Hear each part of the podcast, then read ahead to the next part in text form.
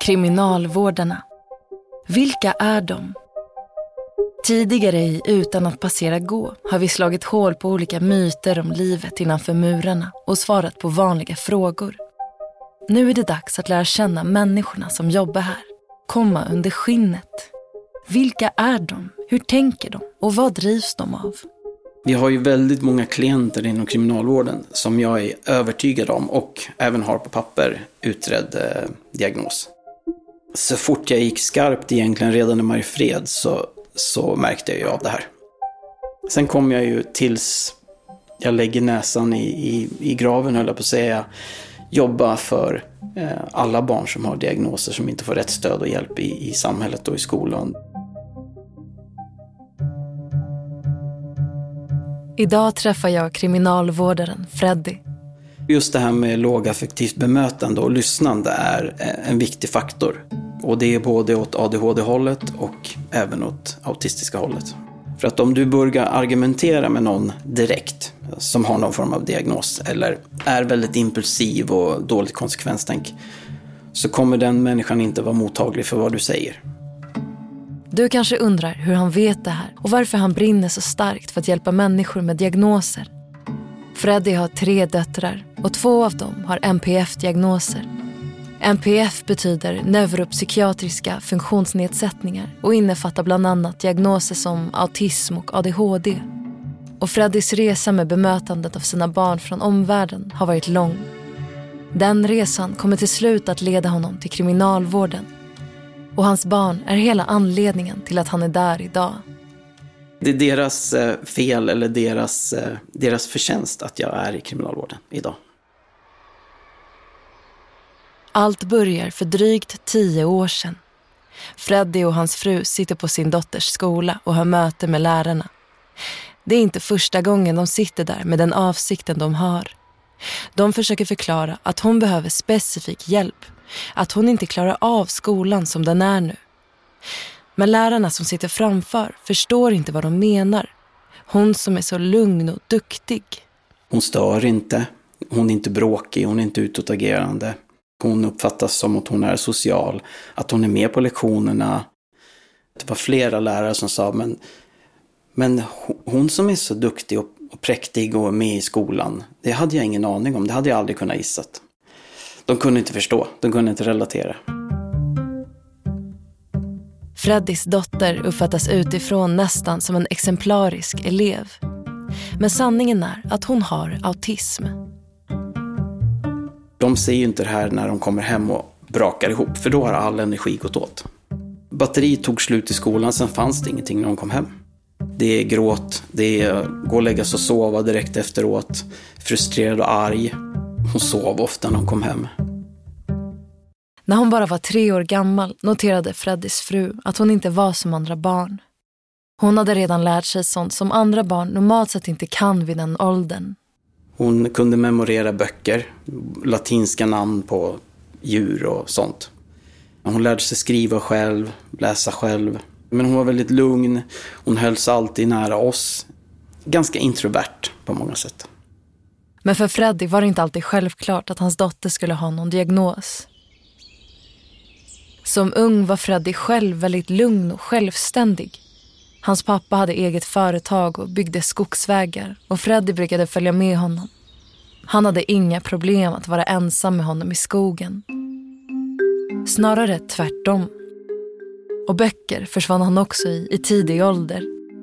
Jag lärde mig läsa själv, jag skrev själv, lärde mig skriva själv. Alltså jag var ju också ganska självständig som barn. Så jag tänkte hon är väl bara väldigt, väldigt lik mig och reflekterade inte så mycket. Jag vet att min fru nämnde vid något tillfälle att jag tycker det är så konstigt att du och min dotter då kommunicerar utan att använda ord ibland. Ni behöver inte ens prata med varandra. Ni bara tittar på varandra eller ni uppfattar någonting och ni förstår varandra utan att det kommer ut några ord ur munnen. Och kommunikation med människor är inte lika lätt för Freddys dotter. Hon kan missförstå saker för att hon tolkar saker bokstavligen.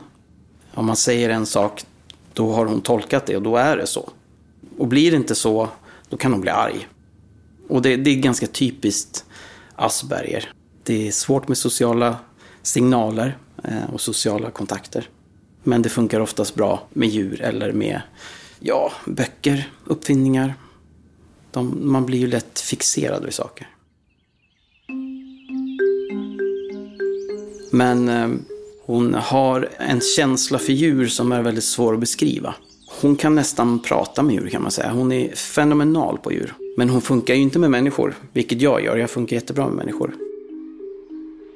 Men det är inte förrän hon ska börja på dagis och komma i kontakt med omvärlden som det blir tydligt för Freddie och hans fru. Separationerna var jobbigt när vi skulle lämna på förskola och såna grejer. Väldigt svårt att lämna. Hon kunde bli arg och då, då blev hon introvert. Så att hon kunde ju vara arg i fyra timmar i sträck. Eh, och ingen fick ta i henne, eh, till exempel. Hon gick in och satte sig under ett bord och sen satt hon där. Och ingen fick komma i närheten. Sen när hon kom upp i högstadiet då blev det mer och mer problem. Det var ju mycket frånvaro, mycket ont i magen, hängde inte med i läxorna eller på skolan och så vidare. Men skillnaden när hon blir äldre är att hon har lärt sig att hålla in hennes svårigheter för sig själv. Hennes känslor syns oftast inte utifrån och lärarna tänker bara på att hon inte ställer till med några problem. Det allra tydligaste med flickor som har autism är att det syns inte så mycket i skolan. Lärarna att ja, men hon sitter där och ser så redig ut och hon ser ut som hon är med på lektionerna och hon umgås med sina tjejkompisar och allting. Men de är ofta som en våt trasa när de kommer hem. Och då brukar man normalt sett i skolan än idag, man tar de lugna flickorna, ofta då de här som kanske är lite introverta, sätter med de bråkiga pojkarna för att de ska lugna ner dem. Problemet är att då blir ju problemet dubbelt så stort, för då stör ju pojkarna flickorna. Och från allra första början försöker Freddy och hans fru att få skolan att hjälpa deras dotter. Men kunskapen om hur man bemöter barn med diagnoser är knapphändig. Hon har svårare och svårare att hänga med och skolan tar inte in vad de säger och förstår inte hennes behov. De gav henne mer läxor för att hinna ikapp i skolan. Då har vi till och med hållit föreläsningar i skolan för lärarna om flickor med NPF-diagnoser. Det fanns ju alltid eldsjälar som gjorde sitt yttersta, men, men de kan ju inte vara överallt och göra allting. Och när Freddys dotter går i åttonde klass flaggar lärarna att hon förmodligen inte kommer få slutbetyg eftersom hon ligger så mycket efter i allting. Och samtidigt har deras yngsta med autism och ADHD börjat förskolan. Och där var det problem redan från början på förskolan. Så då hade vi problem på förskolan med henne. Att hon var utåtagerande. Hon är ju raka motsatsen mot min äldsta. Eh, och sen hade vi då min äldsta som var på väg att inte få slutbetyg och då inte komma in på gymnasiet. Freddy jobbar då på ett parkeringsföretag och har inte tillräckligt med tid för sina barn jobbade väldigt mycket. Jag var kontaktbar 22 timmar per dygn. Så att det var ju framförallt min fru som fick ta hand om barnen och problemen med skolan och allting. Parkeringsvakter är ju inte världens mest älskade. Så att det är klart det hände mycket. Det, jag fick både mordhot och lappar på bilarna och de spöade min personal. Och, ja, det är mycket som hände. Det jobbet tar för mycket tid av Freddy för att han ska kunna hjälpa barnen. Och mycket av det hamnar då på hans fru jag hade inte så mycket val än att kliva av från det jobbet och fokusera på barnen. För om man tar eh, barnpsykiatrin, skolan, förskolan och så vidare. De här pratar inte med varandra. Utan det läggs alltid på förälderns roll. Och då blir det ett heltidsjobb. Så han och hans fru har nu daglig kontakt med skolan. Jag var med i skolan till min dotters stora förtret. Jag var ju där mycket i skolan mycket diskussioner och samtal med lärarna i hur hon skulle ta igen det hon har missat för att faktiskt få ett slutbetyg. Och samtidigt är han med nästan varje dag på hans yngsta dotters förskola. De avskydde ju mig i skolan. Men eh, i och med att hon var utåtagerande och ganska vild så var någon tvungen att vara med. Freddy försöker få skolan att förstå att hans dotter behöver någon som kan vara med henne. Hon behöver stabilitet och uppmärksamhet. Vi skrev alla papper, vi hjälpte dem med ansökan och äska pengar och alla de här bitarna så hon fick en egen resurs till slut på förskolan. Och då helt plötsligt så funkar det jättebra. Freddy jobbar med att hjälpa sina döttrar i ett helt år. Och när hans äldsta får slutbetyg och hans yngsta har lättare med sin resurs kan han börja återgå till att arbeta. Han behöver ett jobb som tillåter honom att kunna fortsätta vara där för sina barn. Då ser han en annons om jobb på kriminalvården. Då hade jag faktiskt provjobbat en vecka jätte, jättelänge sedan på 90-talet någon gång. Men eh, kände av ett obehag att vara inlåst. Det, det kändes som det var väggar och dörrar och sånt överallt. Jag var van att springa i skogen och jag var van att få röra mig fritt. Eh, jag tror inte jag var redo eh, att, att eh, lite så här klaustrofobikänsla. Efter en vecka så gick jag upp till personalchefen och sa att jag fixar inte det här. Men idag är det annorlunda. Freddy har varit med om mycket och kan hantera utmaningar på ett helt annat sätt. Det har gått så lång tid, jag är inte alls samma person. Jag provar, jag provar igen för att se. Och omständigheterna känns helt rätt. Anstalten ligger i cykelavstånd från hans hem och nära hans barns skola. När, när du har barn med funktionsnedsättningar så behöver du ta vård av barn. Du behöver hämta dem ibland, det blir fel. Eh, det går inte att lämna dem på, på morgonen till exempel. Eller någonting. Det har aldrig varit eh, tjafs eller bråk från arbetsgivaren, alltså från kriminalvården, när jag behövt ta vård av barn. Här, här fanns det alltid kollegor som kunde ta upp arbetsuppgifterna som du hade och det blev aldrig bråk och tjafs. Men första veckan är intensiv. Det är en helt ny värld att ta in.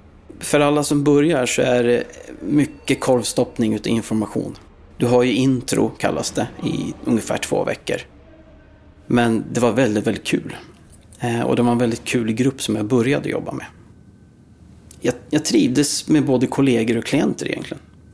Samtidigt som vi kunde vara väldigt, väldigt allvarliga och bestämda eh, i situationer som var obekväma så kunde vi också skratta och ha väldigt kul. Och det är framgångsrecept tycker jag än idag, att du måste kunna skratta och du måste få kunna gnälla av dig eh, och jobba tillsammans med bra kollegor. Freddy vet hur man bemöter personer med olika NPF-diagnoser och framförallt vet han hur man känner igen tecken på dem. Vi har ju väldigt många klienter inom kriminalvården som jag är övertygad om och även har på papper utredd eh, diagnos. Ja, jag brukar kalla det för, för diagnosflaggor som går upp i, i huvudet på mig när jag träffar folk. De går hela tiden i mitt jobb. Många som har drag utav ADHD, det här studsiga, impulsiva, det kommer ur saker i munnen utan de hinner tänka efter, de kan inte stå still, eh, de har inte jättebra konsekvenstänk. Jag tror redan första veckan så märkte jag av det här. Och att jag kunde matcha det, att jag kunde prata med dem på ett, på ett sätt som man, man kallar det för lågaffektivt. Jag lyssnar, jag låter dem spilla ur sig. Sen kan jag prata eh, och få gehör för det. Går du in för tidigt, då får du inte gehör. Om de höjer rösten så får inte du höja rösten. Om det inte behövs såklart. Det finns situationer där man får skrika till helt enkelt, när, när det går över en viss gräns. Så det är mycket modulering. Vi pratar om modulering också i kriminalvården. Du, du modulerar med klienterna. Och eftersom det är så vanligt med diagnoser i anstalter vill Freddy att kunskapen om dessa ska vara så tillgänglig som möjligt. Det finns väldigt mycket bra kollegor till mig som är jätteduktiga på det här. Men det finns också mycket okunskap i det. Och det kan vara så enkelt som eh, man tror att man känner klienterna och man, man lägger en hand på dem eller man skojar med dem på ett felaktigt sätt. Just åt det autistiska hållet så är det väldigt svårt med kroppsberöring. Ironi, skämt, eh, mycket sånt där funkar inte. Eh, det, ta, det tas emot helt fel och det syns, åtminstone jag ser det i ansiktet när, när, när det liksom inte kopplar och blir fel. Men eh, överlag skulle jag säga de som jag har jobbat med på de tre ställen jag har jobbat med på inom kriminalvården. Folk är generellt väldigt duktiga på att prata med klienter. Att prata med dem på ett sådant sätt så att det inte eskalerar och blir en konfrontation. Jag frågar honom varför han vill vara med i podden och prata om det här. Dels för att kanske bryta lite det här med fördomar och myter inom kriminalvården. Det, för det är ett fantastiskt intressant jobb. Är det. Tycker man om att jobba med människor? Eh, är man intresserad av det här med diagnoser eller att, att jobba med att få en människa till det bättre, få bättre, ska man säga, kriterier och tankar och framtidsplanering och så vidare, så, så är det ett väldigt intressant jobb. Sen att vi inom kriminalvården också kanske kan bli bättre på att jobba med folk som har diagnoser. För att det är så pass stor andel inom kriminalvården, alltså våra klienter, som har det. Där behöver vi utvecklas. För är det sån brist inom skola eller samhället över, över, överlag så har vi också brister inom kriminalvården. Vi är ju väldigt duktiga inom kriminalvården på många, många sätt när det kommer till det här. Men det jag skulle vilja efterfråga mer ifrån eh, ledningen och huvudkontoret är just verktygen att jobba med konflikthantering och människor med diagnoser. Det kanske är på gång, ja, det, det vet inte jag, men jag önskar att vi kunde gå till hållet. Men det är inte bara kriminalvården som Freddy vänder sig emot. Han menar att det här är något som behöver uppmärksammas redan från barnsben. Just för att man inte ska behöva hamna i kriminalitet. De här barnen har ju upptäckts i skolan men inte gjorts någonting åt. De har inte fått rätt stöd. Eh, och det är ju ett mörkertal. Och så får de problem. Missar skolan, du hamnar i fel gäng. Eh, du kanske börjar med droger. Du börjar åt det kriminella hållet, slutar inom kriminalvården. Så man, man måste fånga upp det här tidigt i hela samhället. Och det är just därför det här avsnittet är tillägnat Freddys barn. Det är deras eh, fel eller deras, eh, deras förtjänst att jag är i kriminalvården idag. Mörkertalet med familjer som har barn med någon form av diagnos och problem i skolan är jättestor i Sverige. Sen kom jag ju tills jag lägger näsan i, i, i graven, höll jag på att säga, jobba för eh, alla barn som har diagnoser som inte får rätt stöd och hjälp i, i samhället och i skolan. Det, det är någonting som vi kommer att öka hela tiden och vi kommer få jobba med det jättemycket. Du har lyssnat på Utan att passera gå. Det här var Freddys berättelse och jag heter Maud Fällbom. I nästa avsnitt. Jag hade väldigt svårt att lita på folk. Ensam är stark, typ att jag klarar mig själv, jag behöver inte andra. Och jag tänkte så här, men om jag drar larmet, kommer folk springa då? Lyssna på Johannas berättelse. Om resan från att vara sin egen värsta fiende till att bli sin egen bästa vän. Thank you.